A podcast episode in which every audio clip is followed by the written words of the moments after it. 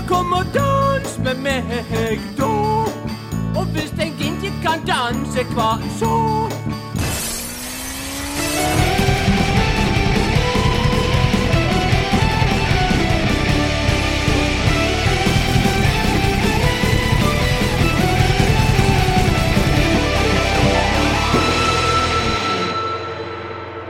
Har du noensinne satt deg ned for å bli herjet med av fire engelske sussebasser, og så ende opp med å bli rimelig underveldet? Ikke jeg heller, før i dag.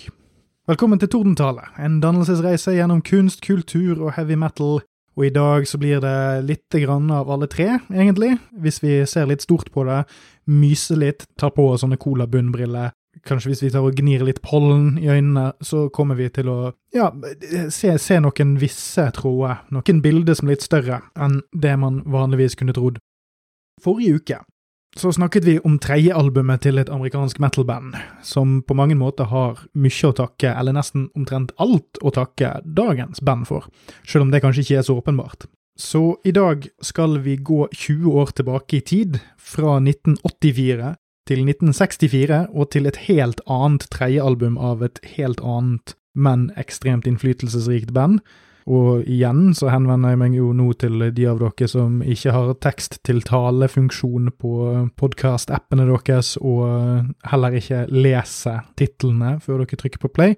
Nå skal vi ta for oss The Beatles sin A Hard Day's Night. Før vi begynner, så må man jo snakke litt om forventninger. Fordi det der å hive seg over Beatles er jo noe som man ikke gjør verken ustraffet eller uforberedt, eh, og nå har jeg tenkt å prøve meg på begge deler. Litt om bakgrunnen min om Beatles. da, altså Dere har jo, dere har jo sikkert skjønt at dette er en dannelsesepisode nå, men Beatles er jo så altomfattende, ikke sant? De er allestedsværende i populærkultur og i, i, bare den generelle vestlige kultursfæren. Altså, det er jo ikke Hvor mange andre band og artister er det egentlig som kan sammenlignes med The Beatles? Det er liksom det er Michael Jackson, men han har jo takket være en del hendelser og handlinger gjennom uh, hans lange og brokete liv endt opp med å kanskje undergrave sin egen arv på uh, lengre sikt. Jeg har i hvert fall ikke hørt spesielt mye Michael Jackson-skryt de siste par årene etter at den dokumentaren kom ut. Du har Pink Floyd, et annet band jeg ikke er så veldig Jeg ikke kan så ekstremt mye om. Og så, ja, hvem flere er det, liksom? Rolling Stones. Men, men nå tenker jeg liksom på eh, Kan man komme på et annet band som er så til de grader godkjentstemplet av omtrent alle som åpner kjeften sin om dem? Jeg kan ikke huske å ha hørt et vondt ord om Beatles på de 30 pluss årene jeg har vandret denne jorden, og det er jævlig godt gjort, for jeg kjenner ganske mange rasshøl og drittsekker og kverulante, og det er jo bare i min egen familie. Og noe av det har jo sikkert med å gjøre at Beatles var det formative bandet for min foreldregenerasjon, og kanskje en del av Altså, vi er nå inne i kanskje tredje eller fjerde generasjon med folk som har vokst opp med Beatles på grunn av eh, måten de har sementert seg i radio, for eksempel. Altså, det har aldri vært upopulært å spille Beatles på radio. Det har vært classic rock og classic pop så lenge at det bare har blitt en del av kulturarven vår, på samme måte som Beethoven er det, på samme måte som til en viss grad Wagner er det, som Mozart. sant? Og kanskje det første og det eneste popbandet som klarte det. Du har jo liksom disse som kom før, med disse 50-talls rockelegendene med Elvis og sånn, men det er ikke helt det samme. De oppnådde aldri helt den samme kunstneriske aksepten for det de drev med, og de prøvde heller aldri det heller. sant? Altså Jerry Lee Lewis, altså Little Richard, altså de, de som kom før Beatles, hadde ikke de samme aspirasjonene som det Beatles tydeligvis hadde seinere i karrieren sin. Det er ikke bare bare å hive seg over dette, fordi det er òg et spørsmål om å yte materialrettferdighet, men òg det å være ærlig med seg sjøl eh, når man skal prøve å lære å bli et bedre menneske og begynne å sette seg inn i hva andre folk liker. Så, så det er litt av den generelle bakgrunnen her. Altså, Beatles er så svære at det er sånn Hvordan i helvete skal jeg kunne tilnærme meg materialet her på en ufiltrert og upåvirket måte? Det jeg kan si da kort, er at jeg har ikke egentlig et forhold til Beatles utover det du umulig kan slippe unna.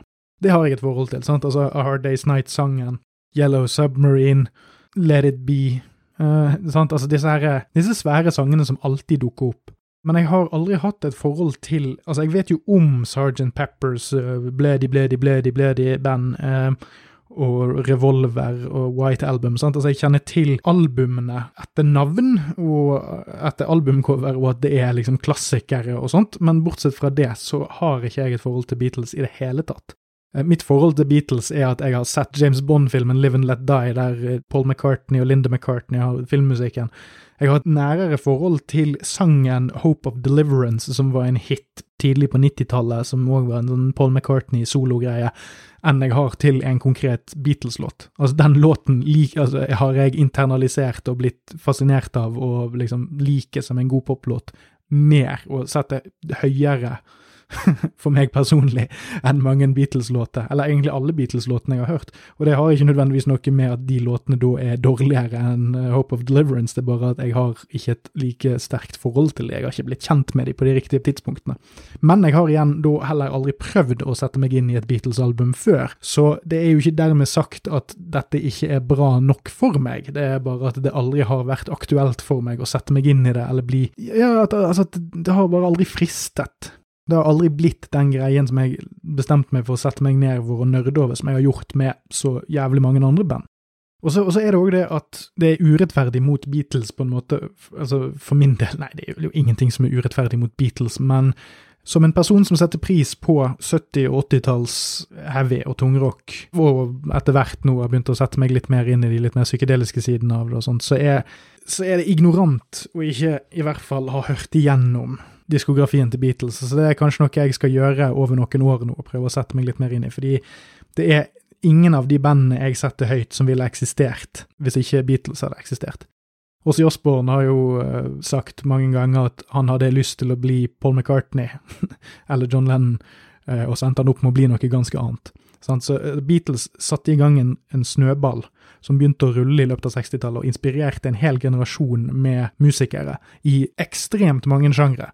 Men for min del, som en heavy metal-entusiast, så kan ikke jeg undergrave eller underkommunisere hvor viktig Beatles var for min sjanger. Manwar hadde ikke eksistert, Metallica hadde ikke eksistert, Judas Priest hadde neppe eksistert, de heller. Black Sabbath, som er foregangsbandet for hele sjangeren omtrent, Take or Give a Few, sant, hadde ikke eksistert. Uten den atmosfæren, uten den kulturen som Beatles var med å skape i løpet av den tiårsperioden de var aktive, eller whatever. Ja, og en av mine andre favoritter, ta, ta, Kiss for eksempel. Kiss har vært et ekstremt innflytelsesrikt band for de som kom etter 70-tallet. sant? Det er en generasjon med, med gitarister som har vokst opp eh, på 70- og 80-tallet med Ace Frehley som yndlingsgitaristen sin, og som de hentet inspirasjon fra. Eh, men deler av Kiss sin, sitt DNA er nettopp det at de så Beatles på Ed Sullivan Show tidlig på 60-tallet og sa oh fuck, jeg har lyst til å bli sånn og deler av Kiss sin persona altså Måten Kiss inn, eh, delte seg inn i fire distinkte personligheter, det er direkte lånt fra denne personlighetsdyrkelsen som Beatles var veldig gode på. At det føltes som om det var tre helt konkrete personer som var med i bandet, sånn at alle kunne ha liksom sin sin, sin av de. Og så regner jeg jo da med at det var John Lennon og Paul McCartney som fikk mest oppmerksomhet, men sånn er det jo med alle band. Så sånn For å runde av den digresjonen der, så er det veldig lett å merke at det er ekstremt mye du kan si om Beatles, og at du kan ikke kaste en stein på en, en popartist i dag uten å treffe noe som du kan spore musikaliteten til tilbake til Beatles. For det er, det er en sånn kambrisk eksplosjon, omtrent, eh, 60-tallet, når det kommer til eh, å, å, bygge den musikkatedralen som vi alle bor i i dag. Eh, og Beatles er liksom midt i stormens øye. Om ikke det er de som starter alt, så er de, de er helt der. og så får jeg si, nå sitter det jo kanskje minst én eller to sånne Beatles-nerder der ute og sier ja, men i helvete, hvorfor setter du deg ned og hører på A Hard Day's Night, det er jo det som kom på slutten som er det beste, ble de, ble, ah, ah, ah, ah. Ok, for, for å ta det, da. Beatles er så gigantisk nå at det er urettferdig mot den arven de har, å skulle forskjellsbehandle albumene. Hvis du har lyst til å sette deg ned og høre på Beatles, så burde du kunne høre på hvilken som helst av platene ut av sin kontekst, ut av sin sammenheng, for det er det Beatles har blitt. Det har blitt noe du er nødt til å forholde deg til som bare en gitt størrelse. Så det å sette seg ned og bare oppdage en av platene, eller dykke ned i en av platene helt på egen hånd, helt uten annen støy rundt, må jo være den beste måten å gi musikken sjansen til å vinne deg over på. Så jeg hadde en ganske sånn arbitrær grunn til hvorfor jeg ville høre denne platen her, eller kjøre denne platen som en del av eh, dannelsesprosjektet i denne podkasten, og det var to ting. Det ene er at jeg er litt sånn autist på sånn at ting skal gå opp litt sånn yin-yang. Så jeg tenkte at hei, hadde det ikke vært morsomt å bare sånn å ja, nå hadde jeg en Manowar-plate jeg gikk gjennom, hva om jeg bare tar tredjeplaten til The Beatles? Og så viste det seg at det var A Hard Day's Night. Eh, og så var det den heldige bonuseffekten av at det faktisk er det eneste Beatles-albumet som vi har i hus her. Ikke jeg som har kjøpt det, eh, men noen andre i husstanden som eh, tydeligvis har vært på bruktmarked et par ganger uten min anstand. Så jeg har igjen sitter jeg her med en vinylplate foran meg mens jeg snakker, og det er jo kanskje den tingen jeg burde gjenta så mange ganger, sånn at absolutt ingen syns at jeg er kul når jeg er ferdig med denne podkasten.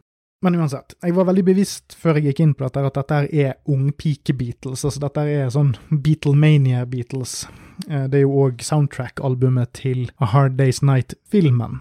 Ja, det er denne, denne British invasion-perioden eh, der de bare tar over eh, verden i noen år. Eh, og alle jenter mellom 12 og 25 skriker seg hese bare de lukter på et tabloidblad-cover med de på forsiden. sant? Ja, men så, så, Da har jeg på en måte satt konteksten litt der. Jeg er klar over omstendighetene, men jeg driter i det. Fordi Beatles skal kunne filleriste meg uavhengig av år og konsept. sant? Altså det er, er det bra, så er det bra. Og hvis det er dårlig, så er det dårlig. Det er sånn som vi må kunne leve med, alle sammen. Og til og med Beatles kan jo ha en dårlig dag på jobben. Men la meg bare snakke litt om coveret, da. Jeg er jo veldig glad i å snakke om cover, fordi at det er jo gjerne det som skal gi oss et godt inntrykk av hva som skal komme. Ja, og det er jo en litt sånn god Dette er jo jeg aner ikke hvilken pressing dette er, men det ser faktisk ut som det er ganske gammelt, så det er kanskje fra Det er i hvert fall fra 70-tallet, tipper jeg. Ja, altså Cover er jo egentlig sånn gjøyefallende, sant? Altså det er, fire ganger fem remser med bilder med de forskjellige medlemmene i Beatles på hver sin linje, der de gjør ablegøye mot kameraet. Det viser at de er litt sånne unge og pussige og rare. Og litt sånn eh, 'Dette er ikke din eh, bestemors uh, søndagssvingplate'. Ja, og så får jeg jo nevne det at uh, det er jo stereoutgavene jeg har her, da. Så det er jo òg noe jeg har fått med meg, at det er enkelte sånne her uh, gamle onkler der ute som uh, må skifte underbukse når de hører at folk hører på Beatles i stereo. For at de spilte jo inn i mono opprinnelig, og du har jo ikke hørt Beatles med mindre du har hørt i mono. Men sånn sett så har du jo egentlig ikke da etter den samme standarden hørt Beatles med mindre du har hørt det på en sånn her gammel transistorradio som ble gjemt ute i skauen fordi at tyskerne skulle inndra den. sant? Så det er ikke Tidene forandrer seg, folkens, og jeg tenker at stereo burde vi kunne klare å leve med. Men det er en ting jeg har lyst til å snakke om coveret for det er faktisk en kis fra Asker som har eid denne platen før. Han heter Anders Bade. Jeg vet ikke helt hvor han er i dag. Men eh, det jeg har lyst til å spørre Anders om, hvis han hører på, eller noen av dere andre som var i live på den tiden når eh, vinyl var den eneste måten å faktisk høre musikk på, og det jeg lurer på er, hvorfor puttet dere navnelapper på platene deres, eller skrev inn navnet deres på etikettene? Var dere redd for å miste de? Var det ofte at du var liksom ute med all vinylen din i en koffert, og så kanskje glemte du det igjen på toget? Var det en vanlig ting? Var det noe som skjedde ofte? Eller var du redd for at folk skulle komme inn og naske på soverommet ditt mens du sov?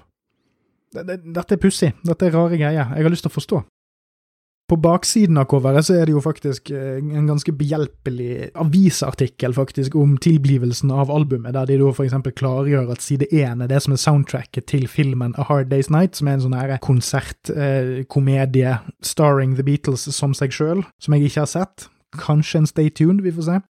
Mens eh, side to er jo da bare det materialet de endte opp med å lage, som, som ikke fikk plass eh, i filmen, men som de tenkte å gi ut likevel. Jeg vet jo ikke hvor sant det er. Man vet jo aldri med den informasjonen du får fra et plateselskap eller et band, men jeg vet ikke hvor opptatt de var av å holde PR-maskinen i gang med disse utgivelsene, så jeg skal bare ta de på ordet der, jeg. Eh, fint cover. Det er, det er liksom en sånn avisartikkelfont med sånn screenshots fra filmen, antar jeg, på baksiden. Veldig sånn cleant og fint for den som liker sånt. Jeg får runde litt av at jeg har gruet meg litt til å spille inn, så eh, jeg ser ikke helt fram til det jeg nå skal gjøre, da, men eh, jeg gjør det likevel. For å starte med litt skryt, så er det det at albumet varer bare i 30 minutter og 10 sekunder. Det syns jeg dere skal la synke litt inn. En annen ting dere kan la synke litt inn, er at det er ikke én jævla sang som varer lenger enn 2 minutter og 43 sekunder. Og det er 13 sanger på platen. Da jeg hørte på Manic Street Preachers sin uh, The Holy Bible, så hadde den like mange sanger, men varte 26 minutter lengre. Så jeg vil bare starte med å si tusen takk, Beatles, dere har gjort jobben min vesentlig mye enklere. Men da starter vi på side én, som da er soundtrack-siden. Første låt ut er tittelsporet A Hard Day's Night, dette er jo den mest kjente låten på albumet. sant? Altså Det er tittelen på filmen. Det var, den, det var, den, eneste låten jeg har hørt før, med ett unntak, som vi kommer litt tilbake igjen til. Så det er Den er jo fin. Den for så vidt helt grei. Uh, handler om en fyr som jobber mye og puler når han kommer hjem. Det er jo en klassisk uh, ting å synge om. Men jeg har liksom ikke så mye mer å si om han heller. Det er, det er den veldig kjente Beatles-sangen, liksom. Det er ikke så veldig mye mer man kan si om han. Var, eller Bortsett fra én ting, da. Det er noe jeg hører her som høres litt ut som en sitar. Altså, det, det er en sitarsolo. Tror jeg. Jeg er ikke sikker, og ikke, det er ikke nok eh, informasjon i coveret her til at jeg kan finne det ut. Og jeg har jo denne regelen min med å ikke google ting eh, på forhånd. Men i dette tilfellet så har jeg gjort et lite unntak. Eller, det var ikke et unntak engang. Jeg googlet ikke noe om Beatles konkret. Jeg hadde bare lyst til å sjekke om sitar er et instrument, eller om jeg bare roter oppi hodet. Så jeg, jeg, eh, gikk inn på Wikipedia og søkte. Norsk Wikipedia, faktisk. Og det, der fant jeg jo en, en ganske pinlig setning. Og Grunnen til at jeg kom på dette med sitar, er at jeg husket sånn vagt at, at Beatles eh, hadde en sånn guru som de drev og hang med og spiste syre med på slutten av 60-tallet. Så jeg bare lurte på, er dette starten på det, på en måte? Eh, og med sånne guruer så får du den indiske påvirkningen, sant, og så man skal lære seg chakra og sitte og chante og møte Buddha og sånn, sant, altså sånn klassisk eh, hippie-shit, sant, som er det Beatles var foregangsmenn for på mange måter.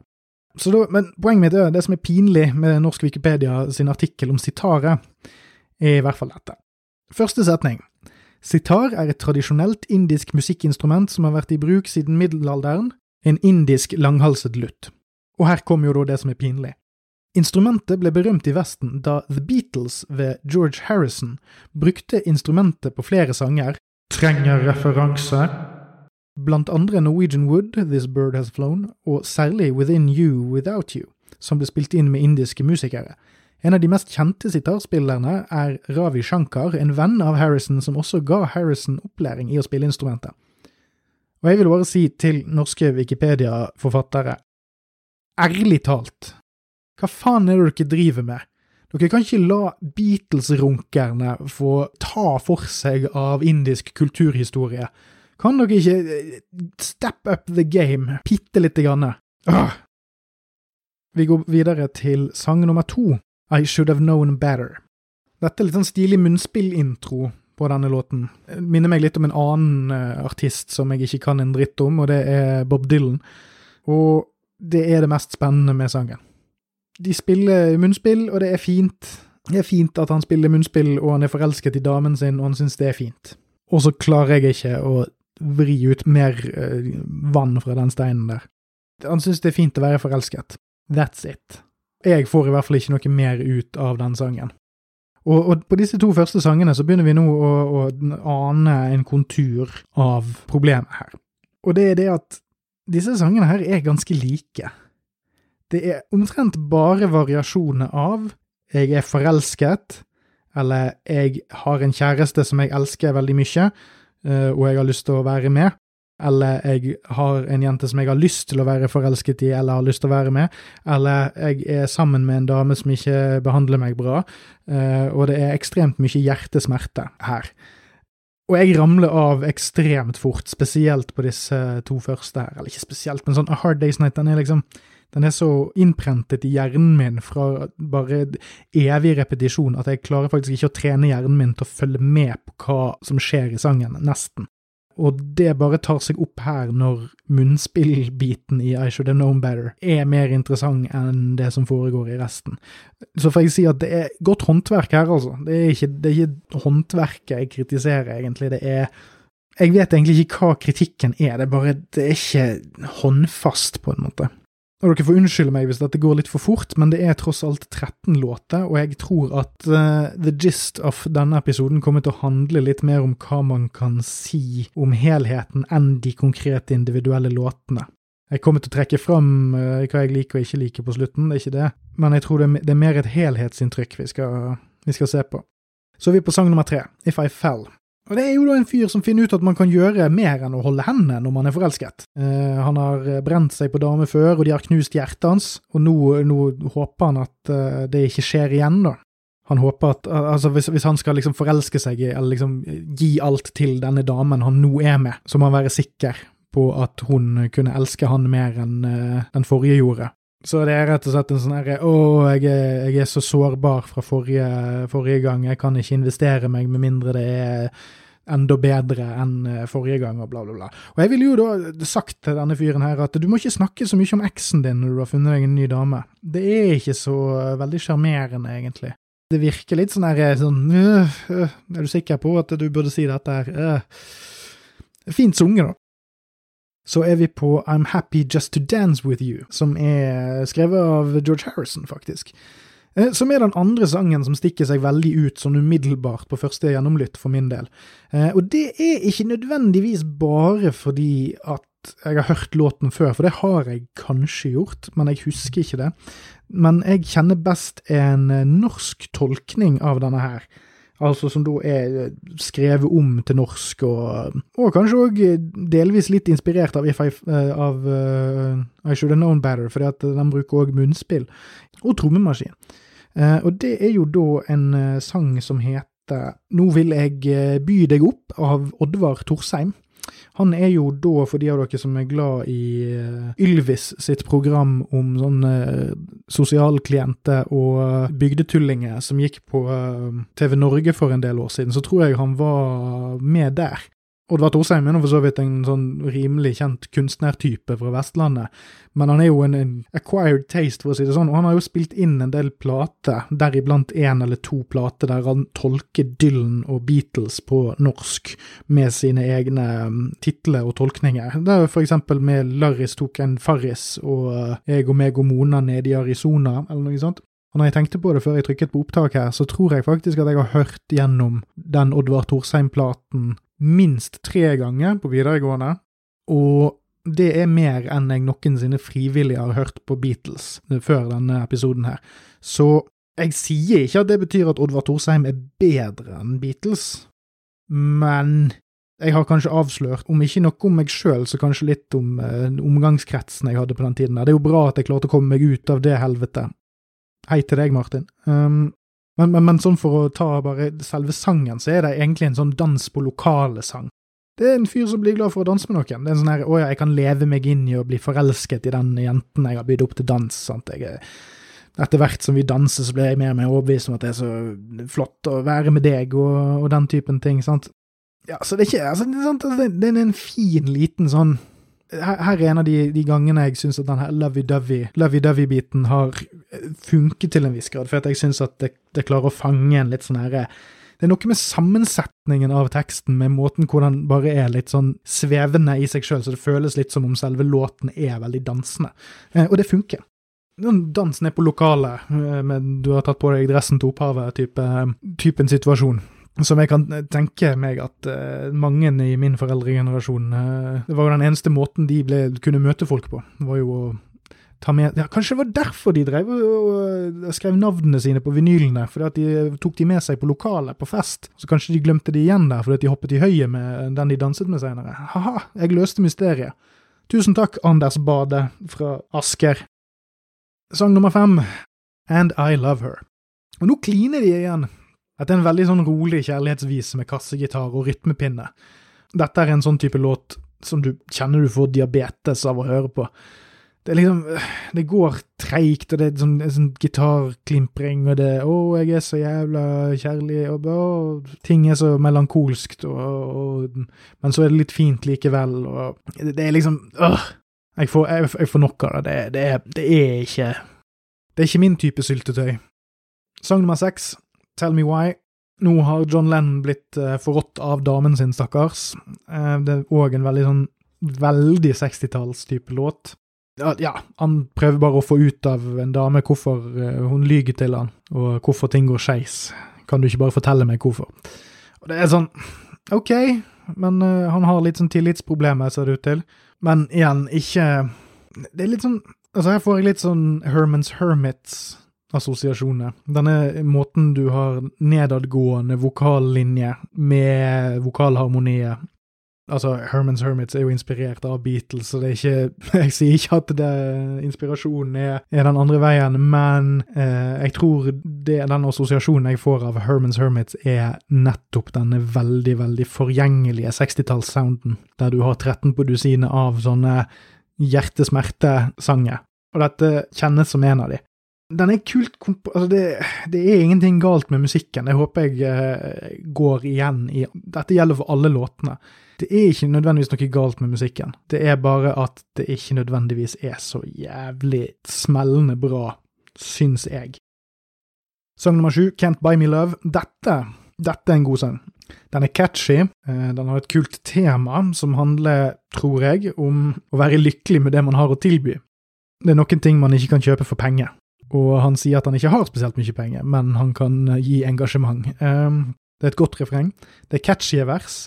Det er en stilig liten solo i midten. Det er veldig kul vokal, og så er det til og med litt sånn rock'n'roll-skriking uh, inni der. Så den, den, her er bare Denne redder side én veldig for meg, for nå starter og slutter side én med i hvert fall noe som, som har, litt, har, litt, grep i seg, da. For jeg syns ikke at fra og med sang nummer to og til og med nummer seks, så uh, jeg sliter med å, med å huske sangene.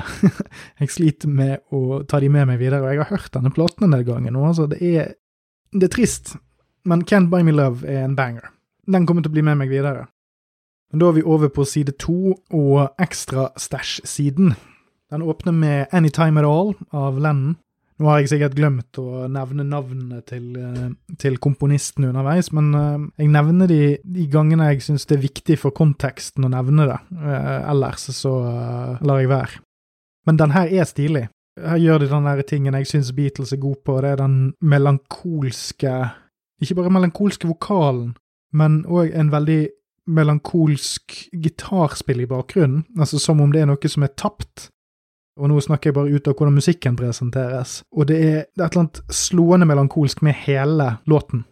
Og den, eh, den minner òg om et par ting, og det syns jeg er litt artig enkelte fraseringer så virker det nesten som om at de skal gå over i I Wanna Hold Your Hand, som en annen Beatles-låt jeg eh, kjenner fra andre steder. Det er, sånn, det er et, et, par punkter der det føles som om de skal bare knekke rett over i, i, I Wanna Hold Your Hand. Og om det er bevisst eller ikke, vet jeg ikke, men det er i hvert fall en litt sånn kul opplevelse som lytter og kjenner sånn Oi, oi, der var det enten en referanse, eller så er det bare hjernen min som, som putter det inn der. Og det, det, gjør at man våkner litt. Sånn Oi, shit, der var det et eller annet sånt. Der, der var det noe kreativt, eller der var det noe, noe som hadde lyst til å vippe meg over et annet sted sted. Men så gjør det ikke det, og det er ikke til det er ikke negativt for låten sin del, syns jeg. Jeg syns det heller sier noe om hvor bra låten er, at den kan få meg til å tenke på en helt annen låt, men fremdeles fange meg på den måten han gjør, da.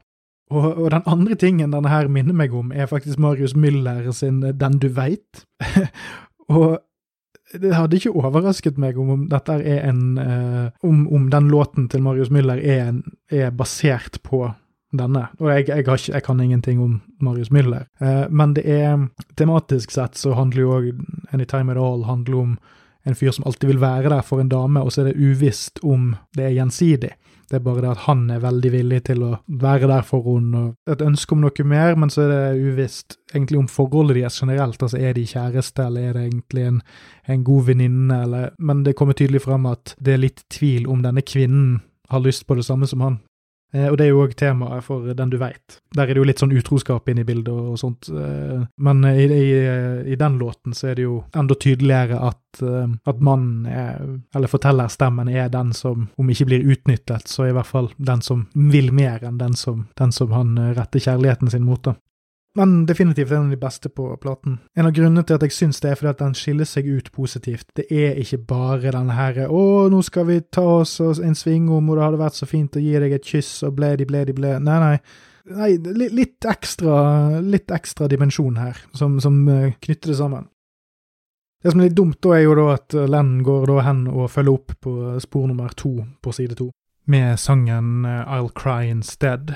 Eh, men nå har han blitt dumpet igjen, da. Denne sangen er litt generisk, men OK. Jeg vil ikke si OK heller, men den er bare sånn generisk. Det er ikke noe galt med den, men den gir en litt sånn iffy vibe, hvis du ser på den med sånn 60-tallsbriller, hva det er han faktisk sier.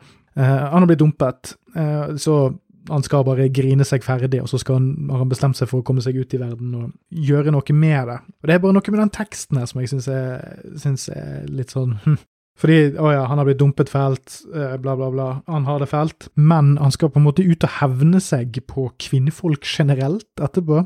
Han har bestemt seg for at nei, nei, når han er ferdig med å grine, så skal han ut i verden, og så sier han And when I do, you better hide the girls, cause I'm gonna break their hearts all around the world. Yes, I'm gonna break them in two and show you what your loving man can do. Og det er litt sånn mm, Hva er det egentlig du Hæ? det, det høres kanskje litt sånn pussig ut å skulle reagere på den fraseringen der, men det er egentlig mer konteksten den dukker opp i. Det er noe av det nærmeste du kommer noe på en måte litt grovt på denne platen. Jeg kommer kanskje litt tilbake igjen til, eh, til, til sånn tolkningsgrad og sånt, men det er, det er, nesten litt sånn in your face at han har blitt kvinnehater fordi at én dame har vært kjip mot han. Og så, og så får jeg ikke helt følelsen av at det er selvransakende heller. Og så skal jeg jo ikke tillegge John Lennon eh, noe motive her, eller noe sånt, men eh, vi vet jo at han har hatt litt sånn issues med kvinnfolk gjennom livet.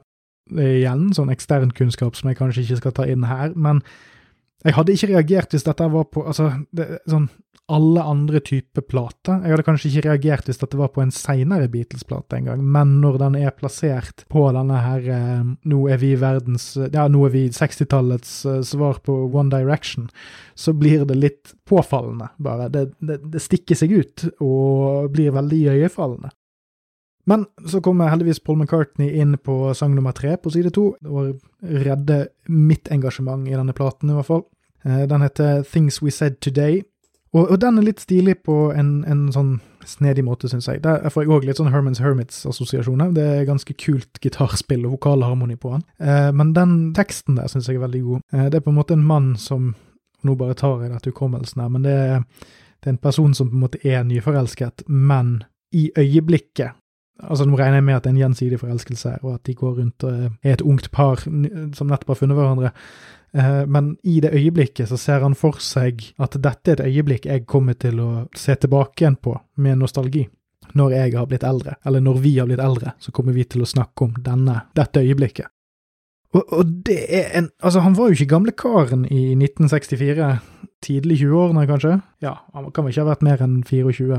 Og, og det er en litt sånn det er det punktet i løpet av denne platen der jeg syns at jeg kan se teksthåndverket til en person som kan bli innflytelsesrik. For det, det, er noe med det bildet der, og det å fremstille det så enkelt og så åpenbart i denne teksten, i denne ved første ørekast forgjengelige 2 minutter og 35 sekunder lange låten på dette poprock-albumet. Ja, den, den satt litt, altså. Det skal de ha. Så er det sang nummer fire på side to, When I Get Home, og av Lennon. Jeg glemmer at jeg hører på den sangen mens jeg hører på. Det er et vakuum av en sang for meg. Jeg, jeg hører på den nå, mens jeg snakker til dere og spiller dette inn, og jeg får ingenting. Det er, det er et eller annet med han som bare sklir av, som gjør han helt inntrykksløs. Og det er, ikke, det er ikke sikkert at det betyr at han er dårlig engang, det er bare at den appellerer ikke til meg i det hele tatt. Det er, det er et tomrom for når jeg ser på side to her, så er det, det er sånn til og med hvis jeg leser på baksiden av albumcoveret, så står det Anytime at all, I'll cry instead, Things we said today, You can't do that, I'll be back. Og så hvis jeg zoomer inn og ser ekstra nøye etter og tar på meg teleskoplinse, så ser jeg at å ja, du har track nummer fire der, When I Get Home. Det er litt det samme for sang nummer fem på side to òg, You Can't Do That, som òg er en Lennon-sang. Og det er òg en sånn sjalusisang à la I'll Cry Instead og litt sånn. Um, det handler om at damen hans snakker med andre gutter, og han hytter med neven og sier 'Å, du, du, behandler meg ikke godt nok, og dette, no, dette går galt', og sånt. Og så eh, står det en fyr med kubjelle, jeg regner med at det er Ringo. Og det kan bli ganske irriterende etter to og et halvt minutt. Og det, det er bare en sånn øh, kjedelig. Det er sånn, jeg, jeg har prøvd å tvinge meg sjøl til å si noe om denne sangen, her, men det er òg Den er ikke i like stort vakuum som den forrige, men det er ikke Det er litt sånn Ja vel, du, du, kanskje du bør lære deg å snakke med damer, da. Hvis, hvis hun snakker med andre gutter, så er det jo åpenbart at du ikke klarer å holde oppe samtalen spesielt godt, så kanskje du skal gå litt i deg sjøl, da. Det engasjerer ikke så veldig på tekstbasis, og når resten er ganske basic med kubjelle og Jeg husker faktisk ikke annet. Når, resten, resten er så basic, så blir det liksom sånn ja vel, koselig nok, det. Men da kommer vi til spor nummer seks på side to, og det er I'll Be Back. Og den er skikkelig fin vokalmessig, og den er òg melankolsk, som det jeg trakk fram med, med den McCartney-sangen. Og det er fint kassegitarspill, og det er god vokalharmoni. Og den, den er òg sant, Det er igjen en fyr som har fått hjertet sitt knust, og det er igjen ganske basic. Men denne sangen her, den reddes veldig av stemmearbeidet, og den atmosfæren den klarer å bygge i løpet av eh, de få minuttene den varer. Spesielt refrengene sitter veldig godt. Og igjen, det er, den, det er denne melankolske, nesten nostalgifylte atmosfæren som Beatles er god på, som, som redder den sangen her, og som redder denne avslutningen, syns jeg sånn avslutningsmessig på låtene, da, så kan jeg, jo, kan jeg, jo, kanskje filosofere litt rundt det at jeg vet ikke om jeg får den nostalgiassosiasjonen så mye på grunn av at de er et nostalgiband. At det er sånn Ikke bare er det god, gammeldags musikk, men det er òg fra en tid som vi nå ser på som med ganske romantiske briller. 60-tallet var liksom korte skjørt og free love og uh, sex, drugs and rock and roll bekymringsløst mens 70-tallet hadde Vietnamkrigen og ja. Sant? Det er urettmessig eh, husket som et godt tiår. Cuba-krisen. Eh, JFK ble eh, drept. Det, det, var mange ting som skjedde og, og satt verden i fare på 60-tallet. Det er bare det at popkulturmessig så var det ikke like stort rom for kritikk mot eh, det bestående. Så gjorde jo selvfølgelig Beatles og Bob Dylan det, det er ikke det. Men sånn generelt så har de fæle delene av 60-tallet blitt polert vekk i vårt kollektive minne, spesielt siden veldig mange av oss ikke faktisk har opplevd 60-tallet engang. Vi har bare fått det presentert gjennom disse her mimrende throwback-greiene. Og det kan nok påvirke litt hvordan jeg oppfatter deler av Beatles sin output. Men samtidig så vil jeg òg si at eh, jeg tror, sjøl når jeg har tatt høyde for det, vil jeg nok satse litt penger på at de òg har en knack for den nostalgitilnærmingen der. For det er veldig mye av det de skriver om som handler om kjærlighet, ung kjærlighet òg, sant og jeg tror at det har nostalgi innpakket i seg, fordi at når du er ung, i hvert fall når du er veldig ung, altså sånn seint tenårene, tidlig 20-årene, så, så, lever du fort. Du har enorme omveltninger i livet ditt. sant? Så hvis du finner deg en jente eller du finner deg en gutt, og du blir stormende forelsket, så er veien kort til nostalgi. Fordi det kan gå noen uker, og så er det over, og så sitter du der og bare ah, 'Hvordan i helvete skal jeg komme videre for dette?' Fordi at du har levd kortere, det er mindre Det tar opp veldig mye av, av uh, prosessorkraften din. Så det jeg, jeg, tror at det er en, en reell del av, av styrkene deres, som uh, Kanskje nettopp fordi at de er så unge når de har lagd denne platen. Men mine generelle takes her er at jeg kan forstå eh, kjærlighetssangappellen for enkelte. Sant? Altså, dette var en enklere tid, det var enklere tema, og selvfølgelig så ligger det ting mellom linjene her som gjør det gøy og bra for lytteren.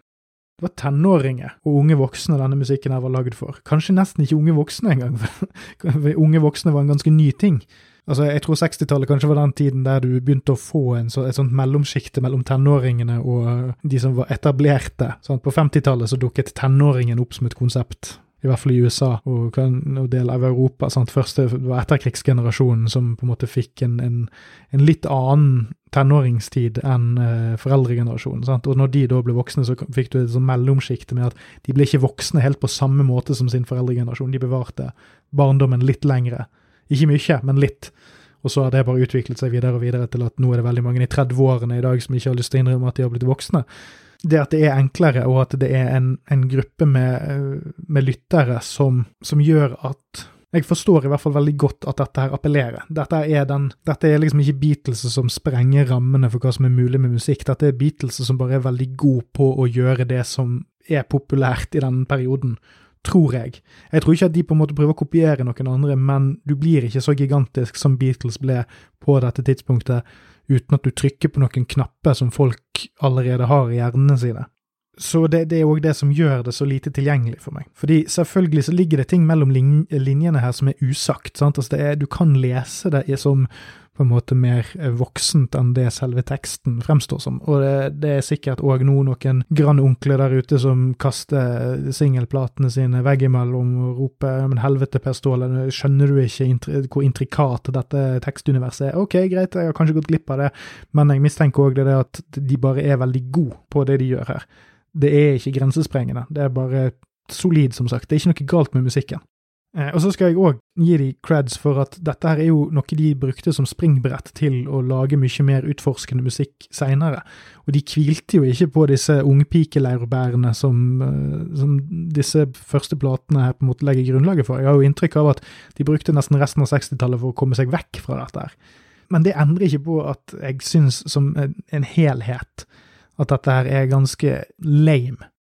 Sånn som det fremstår for meg, så har ikke platen tålt tidens tann, på den måten at den er designet og målrettet inn mot et publikum som ikke eksisterer lenger. Og i den grad du kan nyte denne låten i dag, så er det alltid med den konteksten i bakhodet, eller at du har vokst opp med det i form av at du alltid har hørt på låten, eller du alltid har liksom at du har blitt nesten litt ikke hjernevasket, men at du, du er i hvert fall veldig godt vant med denne sounden og denne måten å skrive kjærlighetsballade på, og at det gir deg noe. Og nå kan jo høre, jeg høres litt hyklersk ut her, men jeg vet at dette ikke er tilfellet med annen type musikk som har blitt lagd.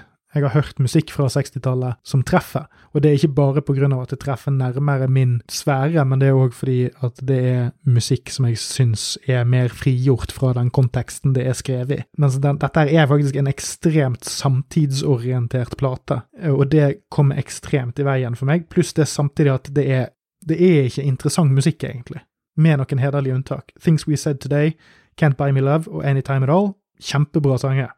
Dritbra, men det er da tre av 13 som jeg syns er dritbra. Og så har du et par stykker som er helt ok, og så syns jeg at veldig mye av det er litt sånn forgjengelig pop. Som betyr at dette er ikke et bunnsolid album, sånn som jeg ser det. Og dette var da, som jeg sa litt innledningsvis, en av grunnene til at jeg, jeg gruet meg litt til å sette meg ned og spille dette inn, fordi jeg syns at det Man må liksom Nei, altså at Beatles er så stort at man får en følelse av at man ikke kan si sin ærlige mening om de noen ganger. Og jeg har ikke hatt noen ærlig mening om de egentlig. Men det eneste ærlige meningen jeg har hatt om Beatles før dette her, er at ja, de er jo innflytelsesrike og gigantiske. Men når jeg sitter her, så kjenner jeg òg det sånn, ja, men skal du si at det er liksom dårlig, at det ikke er liksom en kjempebra greie og sånn? Og da, da er jo det et tegn på at det er andre krefter enn musikken som er med å påvirke hva jeg skal tenke om dette her og det sier jeg nei takk til. Så jeg velger å uh, gå for min egen ryggmargsrefleks, og det er at dette er helt ok musikk hvis du har lyst til å late som at du er på dans i 1964. Og hvis det er en fin setting du har lyst til å være i, konge for deg. Jeg syns det er litt lame, og jeg vil mye heller, jeg vil mye heller høre John Lennon ta syre og synge om at han er en hvalross. Fordi det er òg veldig utdatert, men det er i hvert fall litt morsomt. Men jeg håper at dere er fornøyd med det dere har hørt, eller i hvert fall at hvis dere er misfornøyd, så kan dere ta og sende hatmailen deres til Arbeiderpartiet, krøllalfa, gmail.com, og så kan dere si at dere er for rusreformen, og at Jonas Gahr Støre er nødt til å støtte den på landsmøtet neste helg. Og så har jeg lyst til avslutningsvis si Takk for denne runden. Nå har jeg kjørt ti episoder på ti uker. Det er det høyeste trykket jeg noensinne har hatt på podkastproduksjon. Jeg er veldig fornøyd med å ha kommet i mål. Det var det som var målet mitt når jeg startet med dette, var å klare ustoppet og sammenhengende å pumpe ut materiale i ti uker i strek. Det har jeg greid. Jeg er ekstremt fornøyd med det. Men nå er det tid for å lene seg litt tilbake og planlegge neste batch med episoder. Så det kommer til å komme et opphold nå, og så er vi tilbake igjen om ikke så altfor lenge med ti nye episoder. Vi kommer nok til å være i gang med å kjøre det ut før sommerferien. Kanskje tidligere, men jeg har ikke lyst til å love meg vekk. Og så kan jeg òg eh, friste dere med at det kommer til å være mange flere gjester i eh, de ti neste episodene, og det kommer til å være større variasjon i temaet, tror jeg. Eh, blant annet så har jeg tenkt til å kanskje åpne for litt mer interaksjoner eh, med lytterne. Så de av dere som bruker Twitter eller Facebook, ta og eh, logg dere inn der, og ta kontakt med på Facebook, så er det Tordentale, en dannelsesreise etc., etc. Bare søk det opp, så kan du finne oss der. Og på Twitter så er det at tordentalepod, eller på min vanlige konto at superståle, med to a-er Jeg kommer til å legge ut noen eh, tweets og innlegg med, der jeg legger opp til et input-system på et par episoder. Så det kan jo bli gøy. Jeg, jeg tenker prøve å shake opp minst én eller to av episodene, og så skal vi ha en del gjester, som sagt. Imens så syns jeg at dere kan eh, nyte våren, og så syns jeg òg dere skal ta og nyte diskografien til Oddvar Torsheim. Kom og dans med meg, da, folkens, og ha en fin og flott vår. Takk for meg.